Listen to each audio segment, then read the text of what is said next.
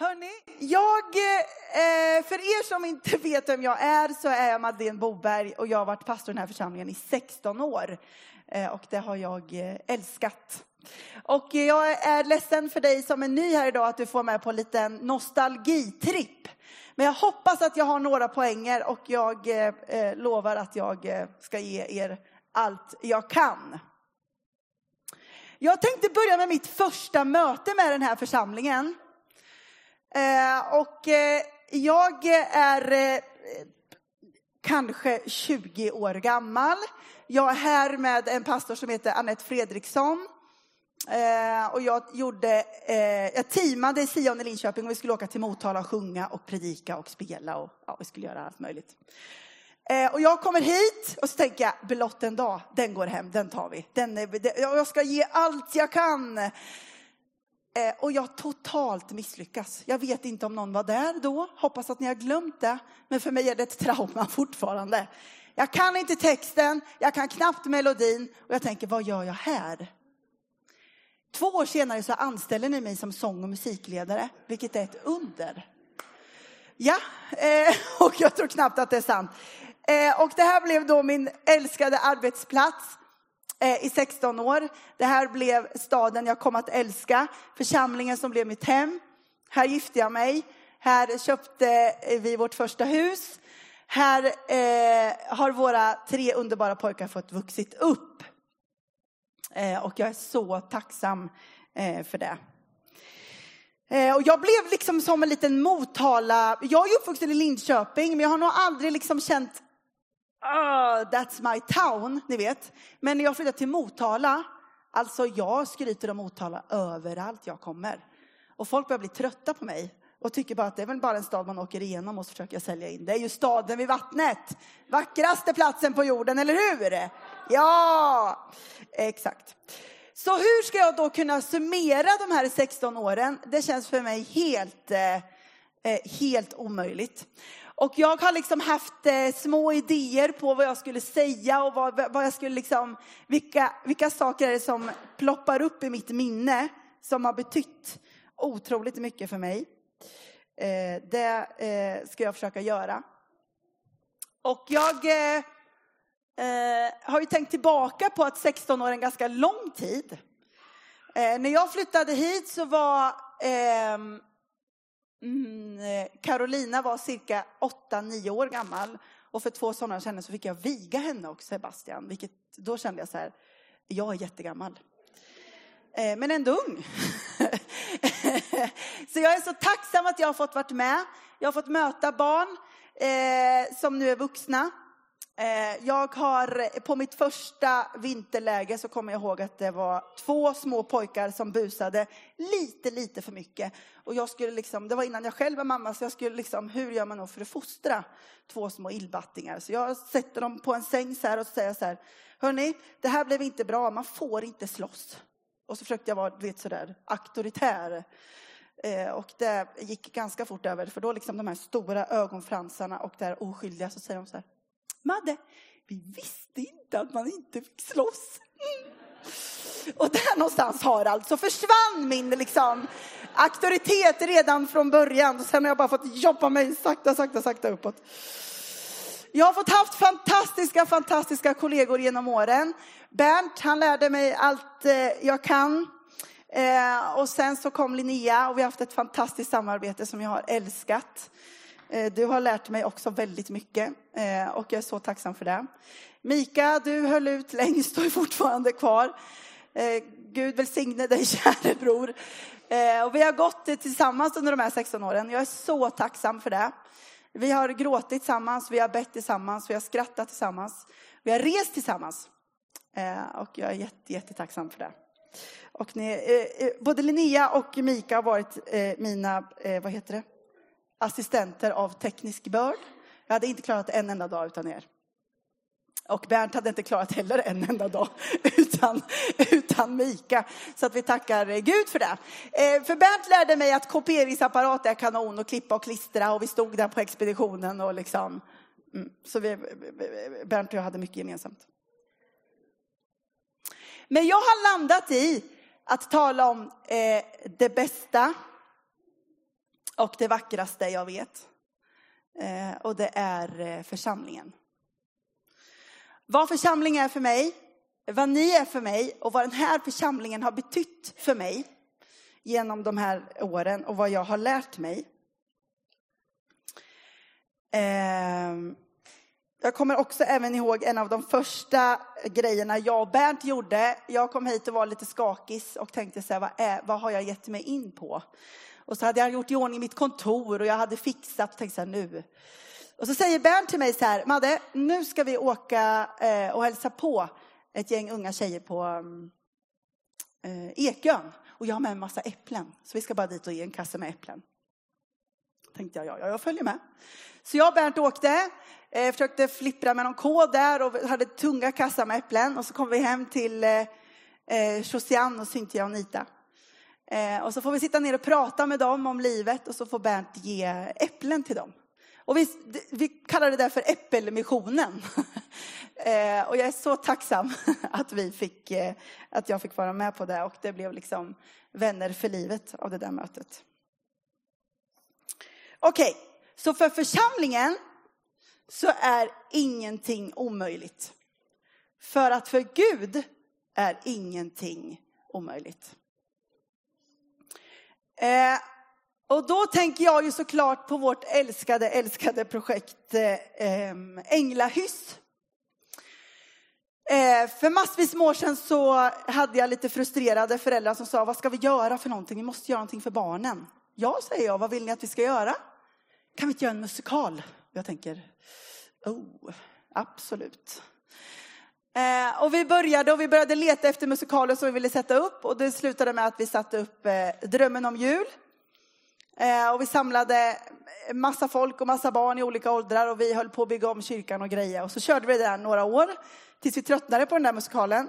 Och så sa jag så här att eh, Smyrna Göteborg har skrivit en ny musikal, så vi åker ner och tittar på den. Så då tog jag med mig ett gäng som jag visste säger att ingenting är omöjligt. Så jag, vi åkte ner dit, satte oss på en lång rad så här och så tittade vi på den där musikalen. Och sen ungefär halva hade gått så tittade jag på min underbara crew som jag hade med mig. Och så tittar vi på varandra och så säger vi så här, hur svårt ska det vara? Och vi åkte hem därifrån med någon sorts form av så här, äh, varför ska vi kopiera något annat? Vi kan göra det själva.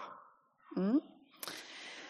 Eh, så vi åkte hem och ett gäng började skriva, ett gäng började bygga, ett gäng började skriva musik, dans och idag har det blivit liksom en institution i våran stad. Eh, Änglahus blev någonting som är fött ur församlingen och som vi har gjort tillsammans. Eh, och vi får vara med och bygga det och vi har räknat ut att det måste nästan vara runt 8000 elever som har sett den i våran stad. Ja, det är värt en applåd om ni inte tycker det är så. Ett decennium av barn i vår stad som har fått höra om vem Jesus är, att Jesus älskar dem, att han kom till den här jorden för deras skull.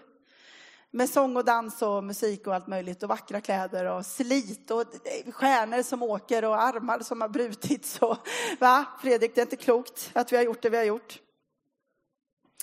När vi ger det lilla vi har till Gud, då gör han någonting stort av det.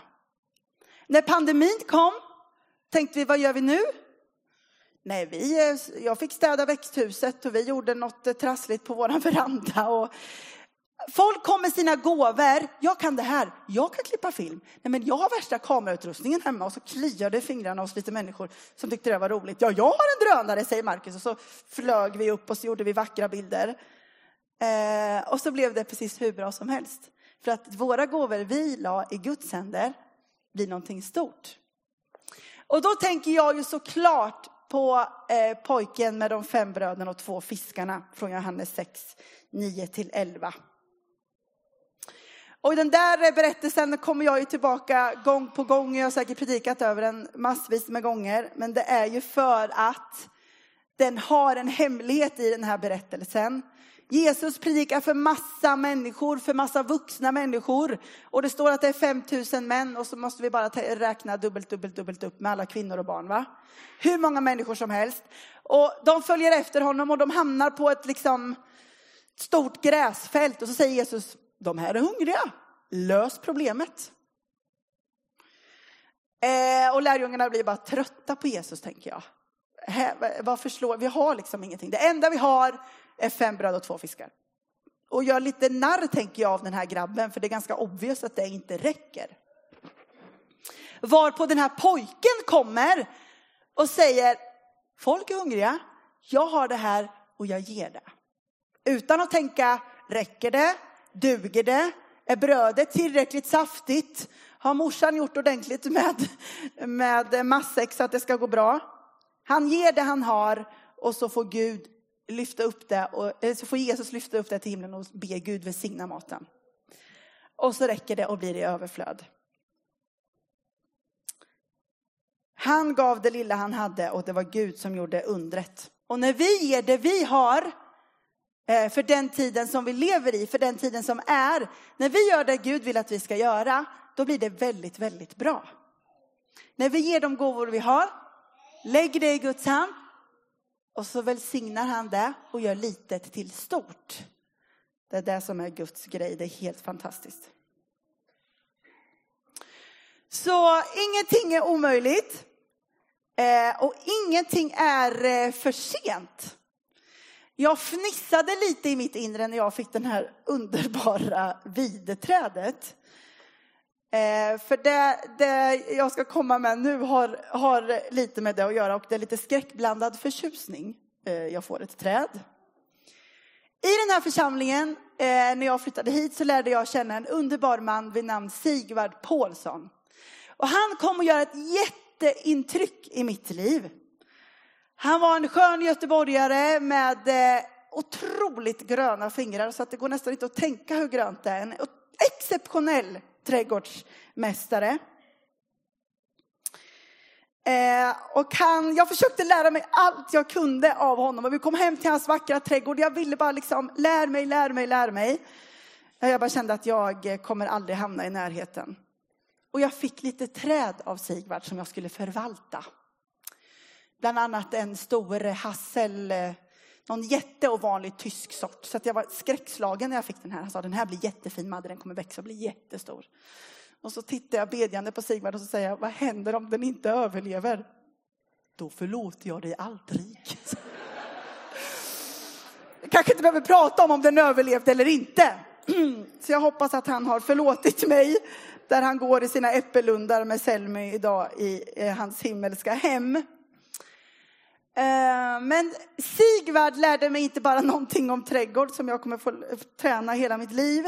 Men han lärde mig någonting om lärjungaskap. Och att det är inte för sent. Eh, och det är inte för tidigt heller. Jag ska läsa ifrån Timoteusbrevet 4 och 12. Där står det så här. Låt ingen se ner på dig för att du är för ung, utan var en förebild för det troende i allt du säger och gör i kärlek, tro och renhet. För Sigvard så var det här full pott i sanning. Han levde sitt liv som om han var 23 och ett halvt. Det spelade ingen roll om han var 93 det kom nyanlända människor i, i porten bredvid. Och Sigvard och Selmi går och plingar på och säger hej, vad kan vi göra för er? De lärde dem svenska och lärde baka bullar och berättade om Jesus och om församlingen. Människor kom till tro genom Sigvards kärlek till Jesus och till församlingen, för det var det viktigaste han hade. Och det lärde mig att Ingenting är för sent. Jag är inte för gammal. Jag är inte för ung för att älska Jesus och vara hans lärjunge. Det spelar ingen roll från vilken kultur jag kommer, om jag är man eller kvinna. Låt ingen se ner på dig, för Gud vill använda dig. Samma sak med er som församling i ert värde som ni sätter på barnen. Det är stort. Ni har satsat era pengar, era resurser på människor som mig som vill jobba med barnen. På eh, människor som William och Mika som vill jobba med ungdomarna. För att man har ett hjärta för att människor ska få möta Jesus, få ett liv tillsammans med honom. Och att vår församling ska få vara ett växthus, en växtplats för unga människor och för barn. Jag vill tacka er för ert tålamod med barnen. Jag kommer aldrig glömma vid ett tillfälle när våra underbara vilda barn börjar springa här framme på scenen. Och man tänker så här, det går nog över snart, så de går nog ner. Och sen inser jag, eh, Manfred kommer inte gå ner och han håller på och pajar alltihopa här uppe. Så jag liksom tänker så här, hur ska jag göra det här så smidigt som möjligt fast jag är så arg så jag kokar. Och då eh, går han upp här, jag tar honom så. Och i farten så tänker jag, det är nog ingen som ser mig. Väldigt dumt. Så jag går här, här bakom är det en dörr. Men man, man kommer inte ut någon annanstans utan enda utgången är här. Så jag går in här och så säger jag, Manfred, Manfred, du måste vara stilla, det går inte. Och så inser jag, jag måste gå liksom förnedringens väg ut också. Eh, så jag liksom står där och tänker, vad ska jag stå kvar här? Alla undrar ju var hon tog vägen, för ni allra flesta vet ju att man kommer ju ingenstans. Så jag får gå ut och sen ja, sätta mig ner. Det är underbart. Men jag vill bara tacka för ert tålamod och för allt det som ni har satsat i den här församlingen av barn och ungdomar. För ni vet att det är vår framtid. Det är så vi liksom fortfarande finns och existerar och människor, vi låter unga människor få möta Jesus. Vi låter oss allihopa få en plats där vi får växa. Låt ingen se ner på dig för att du är för gammal eller för ung. Jag vill tacka för alla förböner som ni ber för barnen. Eh, vid nästan varje bönemöte som vi är med på, onsdagsträffar och vi pratar om Bibeln och vi liksom, vid gudstjänster, så ber vi för barnen och för ungdomar att de ska få möta Jesus. Tack! Det bär oss, det leder oss och det liksom är någon sorts underbar trygghet för oss som föräldrar och för er som mormor och morfar och farmor och farfar att ni nämner dem vid namn och ber för dem det är av största vikt. Så för församlingen är ingenting omöjligt i rätt tid och med Guds hjälp. Det är inte för sent. Låt ingen se ner på dig för att du är för ung eller för gammal eller allt möjligt vi kan sätta i vår väg. För för Gud är allting möjligt. Och det är tillsammans vi är församlingen. Jag vill läsa från Efesierbrevet 3 och 18. Därför vill jag falla på knä för Fadern, efter vilken allt vad Fadern heter i himlen och på jorden har sitt namn. Måtte han i sin härlighetsrikedom ge kraft och styrka åt er inre människa genom sin ande. Så att Kristus genom tron kan bo i era hjärtan med kärlek, stå fasta och stadigt rotade i honom. Så att ni tillsammans med alla de heliga förmår fatta bredden, längden, höjden och djupet och lära känna Kristi kärlek som är väldigare än all kunskap tills hela Guds fullhet uppfyller er. Han som verkar i oss med sin kraft och förmår göra långt mer än vi kan begära eller tänka. Hans är härligheten genom kyrkan och genom Kristus Jesus i alla släktled i evigheters evighet. Amen. Församlingen är tänkt att vara tillsammans. Annars så tjänar den inte sitt syfte och vi skulle lika gärna kunna vara, fundera ut vem Jesus är på vår egen kammare. Men det är tillsammans som vi förstår och fattar bredden, höjden, längden och djupet av vem Jesus Kristus är. Och det här gör vi och jag tycker att vi ska fortsätta göra det och bygga på vår gemenskap mellan generationer, olika kulturer. Att det här, att församlingen är till för alla människor. Vi vill att människor i vår stad ska få möta Jesus och få en del av församlingen.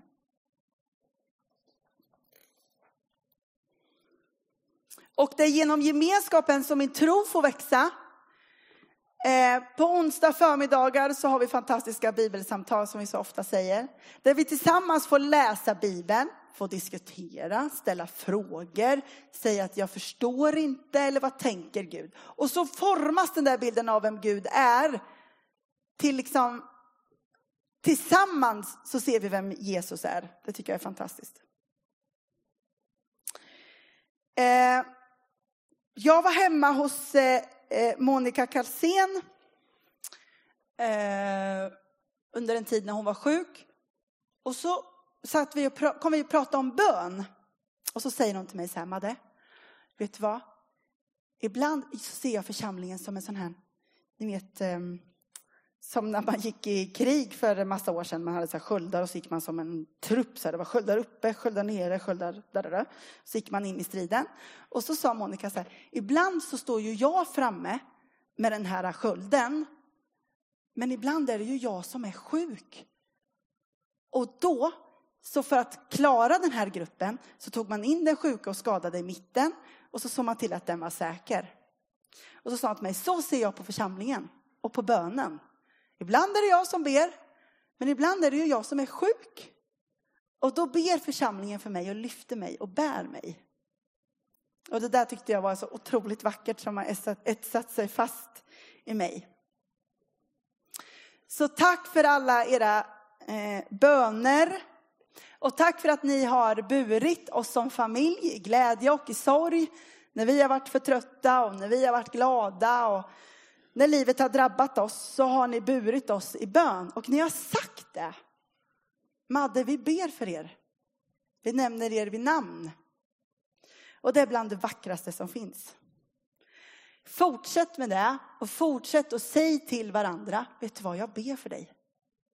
Säg till ungdomarna, vet du vad, jag ber för dig. Det är det vackraste vi kan göra. Eh, till avslutning vill jag också bara berätta varför jag också hamnade där jag hamnade under så många år. Att Gud drabbade mig eh, med hjärta för barnen och för familjerna. Jag hade jobbat ganska många år med sången och musiken och jag älskade det. Men jag kände liksom att församlingens behov var någonting annat också. Eh, och så gick jag in med darrande ben i det här uppdraget för att också på min första arbetsintervju här så sa jag, jag är ingen barnmötestant. Så ska ni ha det så anställ inte mig. Det var mirakel nummer två för att ni anställde mig. Eh, men det kom att bli mitt liv och det kom att bli mitt stora, stora hjärta. Och jag kommer så väl ihåg en gång jag hade haft söndagsskola och jag var så trött och tänkte så här, jag är så dålig på det här. För så kan man ju tänka ibland. Ni kanske inte gör det, men jag tänker så ibland i alla fall. Och så satt jag där nere i skattkammaren och så hade jag kanske sex, sju barn framför mig så här. Och så ska jag berätta om, jag vet inte, Noah säkert. Och så sitter jag där och så drabbar Gud mig så där, ni vet, bara. Och så säger han, jag har gett dig de här barnen. Det är för barnen du ska berätta om Jesus. Och det där blev så starkt för mig så jag bara kände så här, all right, let's do it. Och det drev mig genom de här åren.